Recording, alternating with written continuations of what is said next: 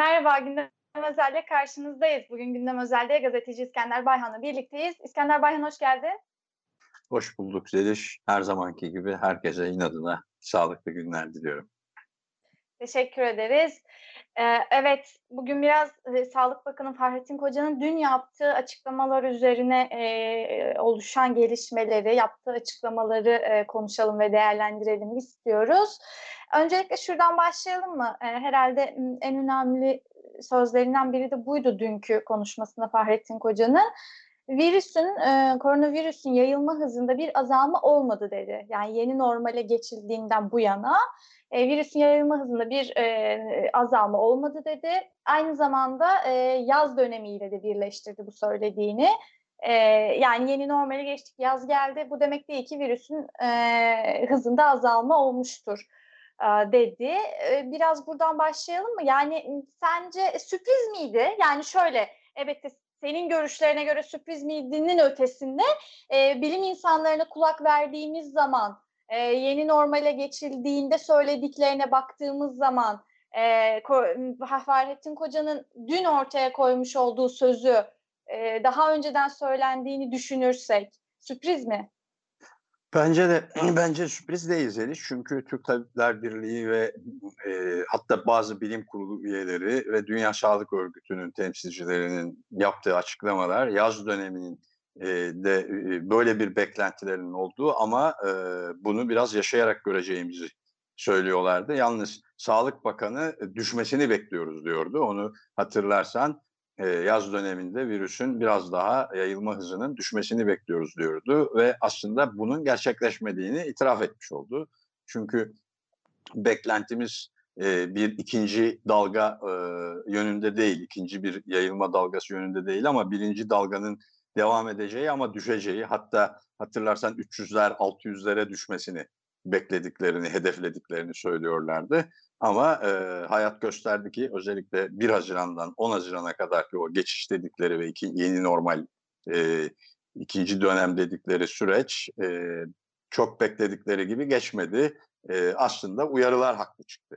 Yani e, bu süreçte virüsün yayılma hızına ilişkin e, tedbirler alınmazsa e, yükselişler olacaktır. Vaka sayılarında düşme olmayacaktır yönündeki e, değerlendirmeler. Hatta bunları kötümser olarak da e, eleştiriyorlardı bu tip değerlendirmeleri. Maalesef e, insanlar kötümser olmaktan oldukları için değil veya TTB veya bilim insanları kötümser oldukları için değil, gerçeği e, görmeye, aramaya, bulmaya çalıştıkları için bu uyarıları yapıyorlardı. Sağlık Bakanı ve e, Sağlık Bakanı'nın şeyinde hükümetin e, beklentileri değil maalesef e, bilim insanlarının öngörüleri gerçekleşti ve hala da düşme olmayacak diye düşünülüyor. Ne kadar uyarılara e, bakınca hani düşürmeye yönelik maske takın, mesafeyi koruyun, e, hijyene dikkat edin dense de çok fazla e, düşme beklentisi yok. Hatta Temmuz ayı içerisine dair, daha doğrusu Temmuz ayı dönemine dair çok öngörüde de e, somut bir öngörüde de bulunmuyor Fahrettin Koca dünkü açıklamasına bakınca. Sınavlara ilişkin söylediğinde bu daha da belirginleşti yani sınavlara evet. ilişkin.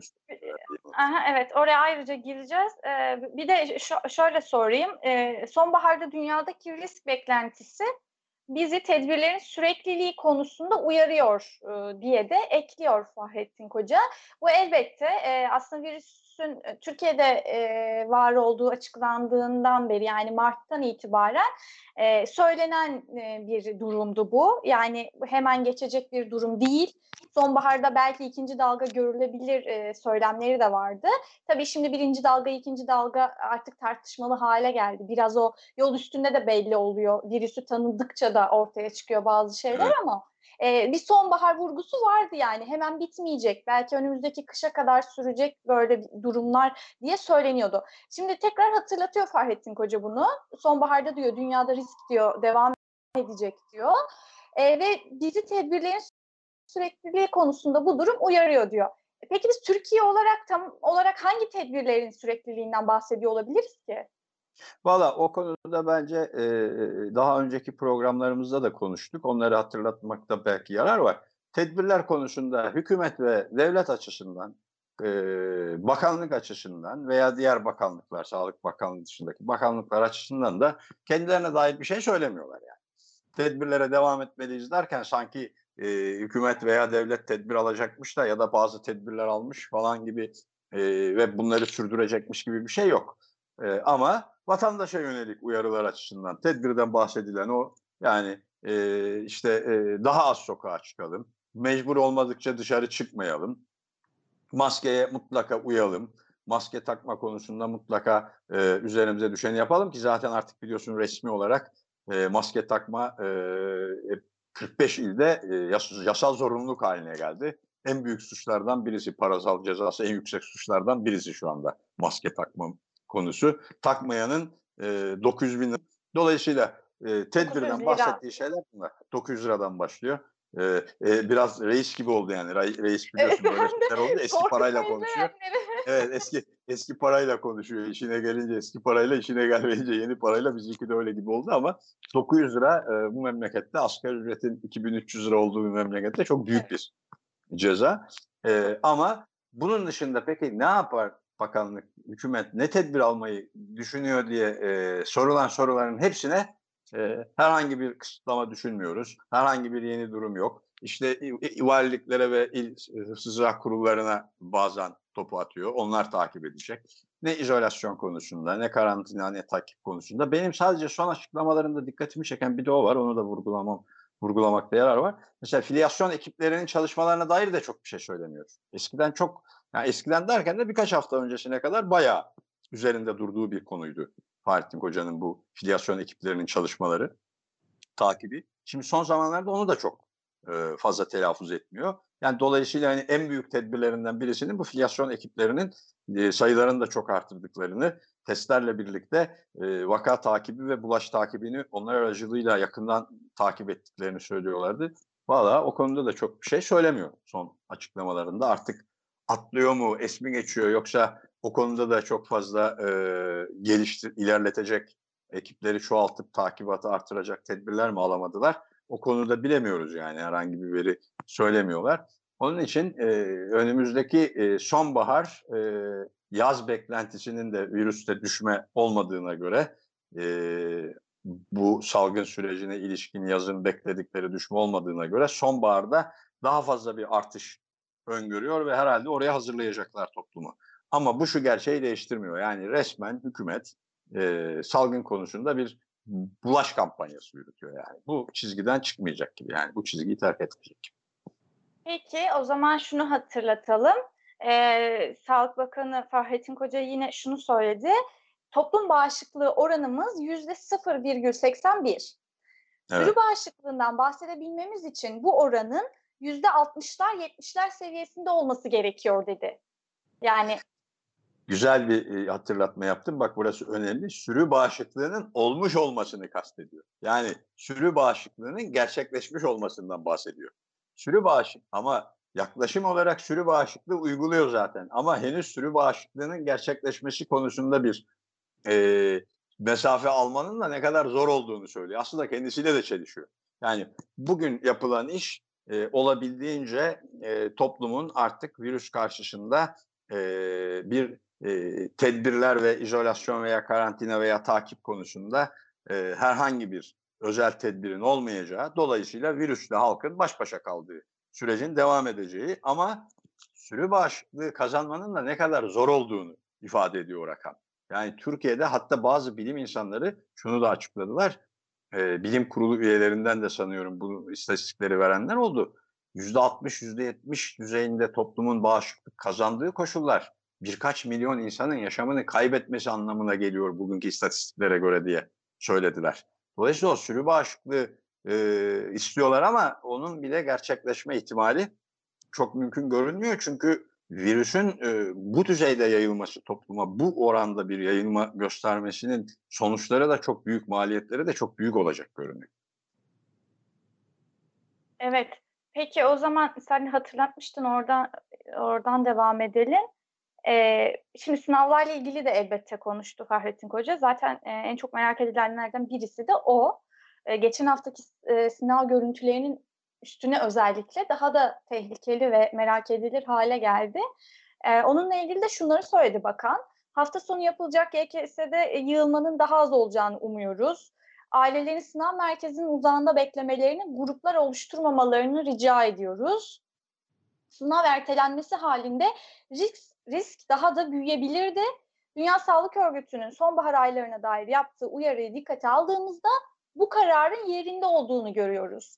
Yani aslında burada da bir e, biraz korkutucu bir e, kabulleniş var gibi geliyor bana ama yanılıyor muyum acaba? Çünkü yani bu koşullarda da risk var ve bulaşabilir evet ama biz daha mı çok bulaşsın yoksa daha mı az bulaşsın tercih ettik ve buna karar verdik diyor. Yani hiç bulaşmama imkanını değerlendiriyoruz mümkün olmaz mıydı? Evet, bu e, önemli bir noktadan noktalardan birisi de bu. LGS'de de benzer açıklamaları duyduk. Aslında bunun e, başka bir ifadeyle, bu söylenenlerin başka bir ifadeyle e, dile getirecek olursak, diyor ki e, Sağlık Bakanı, hükümetten, devletten bu konuda umudu kesin. Yani hükümet ve devletten virüs karşısında e, mücadele ve halk sağlığını koruma konusunda bir fayda yok size. Bunları yapmaya mecburuz bu sınavları yapacağız. Temmuz'da yapsak daha tehlikeli olabilir. Bir de böyle ifade ediyor. Yani çünkü elimizde Temmuz'da durum daha da kötü olabilir. Bir an önce yapıp kurtulalım şeyinde yani. Bir an önce yapıp bu işi bitirelim. Niye? Çünkü senin dediğin, sorduğun o noktadan bakarsak eğitim sisteminin e, bugünkü işleyişi esas olarak e, öğrencilerin yarışması ve gençlerin yarışması ve elenmesi üzerine kurulduğu için bunu değiştirmediğin sürece yani bu yaklaşımı değiştirmediğin sürece koruyucu tedbirler de alamazsın. Ne yaparsın? İşte iki buçuk milyon genç, yaklaşık iki buçuk milyon genç hafta sonu YKS sınavlarına girecek. Her birinin baş, e, bir velisi sınava gitse öğrenciyle beraber 5 milyon kişi yapar bu. Şimdi iki buçuk milyona diyor ki salonda dur kalan iki buçuk milyon da salon okuldan uzaktır. Tedbir bu olsun. Gereğini zaten maske, mesafe, hijyen. E, e şimdi bu tedbir olmuyor tabii bakarsan. Bu ancak şu oluyor. Valla e, bunu buna razı olmak lazım çünkü daha da kötü olabilir. Yani biz daha kötü olmasın diye bu kötüye razı olalım diye bir açıklama yapmaktır bu. Yoksa tedbir alınmaz mı ya? Yani mecbur mu bu üniversite geçiş sistemi sınav merkezi sınavla yapılmaya? Yani mecbur musunuz Türkiye'de e, yüksek öğrenime geçişi e, iki günlük milyonlarca genci ve ailesini öğrenciyi e, sokağa, e, salonlara, okullara, okul bahçelerine, okul etrafına e, göndererek sınav yapmaya. Birisi mesela sınavsız bir geçiş sisteminin lafını bile etmiyorlar. Toplumu da ona ikna etmeye çalışıyorlar. Gençleri de ona etmeye çalışıyor, ikna etmeye çalışıyor. Ya başka çaremiz yok. Başka çaremiz yok. Yani niye yok ya başka çareniz? Türkiye'de e, şu anda üniversite öğrenci sayısı, e, üniversitelerin kapasitesi, lise bitiren öğrencilerin sayısı, bunların yıllık notları yani bir sınavsız bir geçiş modeli üzerine düşünün. Hatta sınavları e, bölüm bölüm e, belki üniversitelerde, fakültelerdeki bölümlere göre, gençlerin eğilimlerine göre başka türlü yapabilecek formüller üzerine çalışın ama yok bunlar olmaz. Niye? Çünkü hızla bir e, zaman da azalıyor biliyorsun, daralıyor. E, sonbahar geliyor, üniversitelerin açılış dönemi geliyor. E, okullara yeni öğrenciler alınacak. Liselere, şimdi ortaokulu bitiren öğrenciler liseye yerleşecek. Dolayısıyla hızla bir elemeye ve yarışa yarıştırıp bir an önce e, şeye ihtiyaçları var. E, bu merkezi sınav sistemiyle bir üniversiteler açısından bir diyelim e, dereyi geçmeye ihtiyaçları var. Onun için buna mahkumuz, buna mevcuruz. Başka çaremiz yok. Bir de başka çaremiz yoku daha büyük tehlike dediğim gibi yani sonrasında yoksa daha ciddi bir tehlike olabilir diye. 40 katır mı 40 satır mı yani şey bu. Ya gireceğiz sınava 40 katır ya da e, erteleyeceğiz 40 satır. İki, iki durumda da buna mahkumuz. Yaklaşım bu olunca tabii ister istemez e, gençlerde de mesela ne oluyor? E, ikilicikli bir halde kalıyor yansıyan mesela kamuoyuna yansıyan yaklaşımları. Yani onlar da mesela bir yandan çok stres halindeler. Gerilimle sınavlara hazırlanıyor. Öbür taraftan da e, gitmeseler yapacak bir şey yok. Bir de Milli Eğitim Bakanı çok ciddi hem LGS'de hem bunda aynı şeyi yaptı. Çok ciddi bir sorumsuzlukla hareket edip e, tabii zorunlu değil bu sınavlara girmek gibi de bir açıklama yapıyor yani. Ama şunu söyleyeyim bir de Zeliş bu konuda. Bak Türkiye'de nüfusun belki de yüzde yedisi, yüzde sekizi yani Türkiye'de üst sınıfların toplumun kaymak tabakasının, burjuvazinin en zengin kesimlerinin umurunda bile değil bütün bunlar. Çünkü onlar Neden? için sınav falan. E çünkü onlar için sınav, yarış falan, eleme dertleri yok. Eğitim sistemi öyle bastır parayı, çal düdüğü sistemi bu. Dolayısıyla istediği eğitimi istediği gibi satın alabildiği için hiç onları ilgilendirmiyor bile. Yani.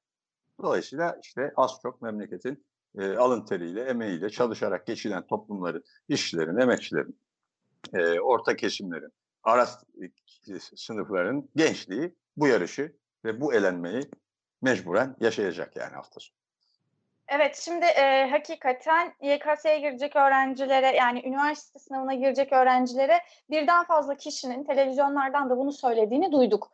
Yani girmek zorunda değilsiniz, bir sene bekleyebilirsiniz. Sene. Biraz şöyle değerlendirmiştik ya en başlarda. işçileri ya gidip e, ölüm riskine karşı çalışacaksın ya da çalışmıyorum deyip evde oturacaksın ve e, açlıkla mücadele edeceksin ikili, ikilemine sokuyorlar diye. E, galiba gençler de artık böyle bir ikilemde. Yani ya sınava gireceksin bu riski alacaksın canın mı sınav mı tercih edeceksin ya da hayatından bir senenin kaybolmasına göz yumacaksın oturacaksın evde. Yani evet, bu kadar yeni... basit mi? Yani bu Tabii. E, bu sistemde basit tabii ki ama onu belki biraz daha söylemek lazım. Ya, yani hem tabii, işçiler açısından hem gençler açısından sürekli bir ikilemde bırakılmak e, bu bu kadar basit oluyor işte yani. Tabii koronavirüs salgınıyla geleceği arasına sıkıştırıldı gençler. Yani ya geleceğine ilişkin bir tercihte bulunacaksın ve bunun faturası virüse yakalanma olacak, yakalanma riski olacak ya da geleceğine ilişkin e, daha zorlu bir şey göze alacaksın ve sınava girmeyeceksin. Burada bile aynı o birinci konuştuğumuz konuya geliriz. Yani devlet ve hükümetten bir fayda yok size. Yani bu devlet ve hükümetin bu e, politik e, yaklaşımın ve bugünkü düzenin eğitim sistemi de dahil size bir faydası yok. Siz anca e, her şartta ve koşulda ölümüne bu yarışı yaşayacaksınız. Bu rekabete gireceksiniz ve e, ona göre de geleceğiniz açısından bir virüs e, ya virüs bulaşacak ya da geleceğinizden vazgeçeceksiniz e, gibi bir şeyle yüz yüze bırakıyorlar. Peki o zaman kısacık bunu yazıyor gençler. Yani. Bence ha, gençler e, bunu bir köşeye yazıyor yani. Onu sorayım. Madem iki, iki seçenek bırakılıyor bize vatandaş olarak e, mutlaka bir üçüncü seçenek vardır. Tabii. Şu, şöyle bir seçenek var. O da çok açık. Bence gençlerde de onun e, şeyi var. E, e, göstergeleri var. Bir, bunun durumun çok farkındalar ve bunun faturasını hükümete kesecekler. İki, e, belki e, henüz bireysel kurtuluş için yarışıyorlar. Buraya mecburlar, buraya kendilerini mahkum hissediyorlar ama gittikçe de e, kendi talepleri için, hakları için örgütlenme ve ortak mücadele eğilimi de güçleniyor. Sadece sosyal medyadaki yaptıkları kampanyalar bile bu açıdan bence önemli bir gösterge. Çok ciddi protestolar yaptılar. Çok ciddi sınavların ötelenmesi için, ertelenmesi için tepkiler gösterdiler ve e, hükümet açısından da e, bugünkü sistem açısından da tepkilerini çok yaygın dile getirdiler. Bunlar da bence asıl gelecek açısından umut verici e, şeyler bunlar bence, gelişmeler bunlar. Peki, çok teşekkür ediyorum değerlendirmelerin için. Ben teşekkür ediyorum. Tekrar görüşene kadar, pazartesine kadar inadına sağlıklı günler diliyorum. Tabii her şeye rağmen de başarılar diliyorum gençlere. E, elbette öyle başarılar diliyoruz tabii ki. Ee, çok teşekkür ederim. Gündem Özel'in bugünlük sonuna geldik. Yeniden görüşmek üzere. Hoşçakalın.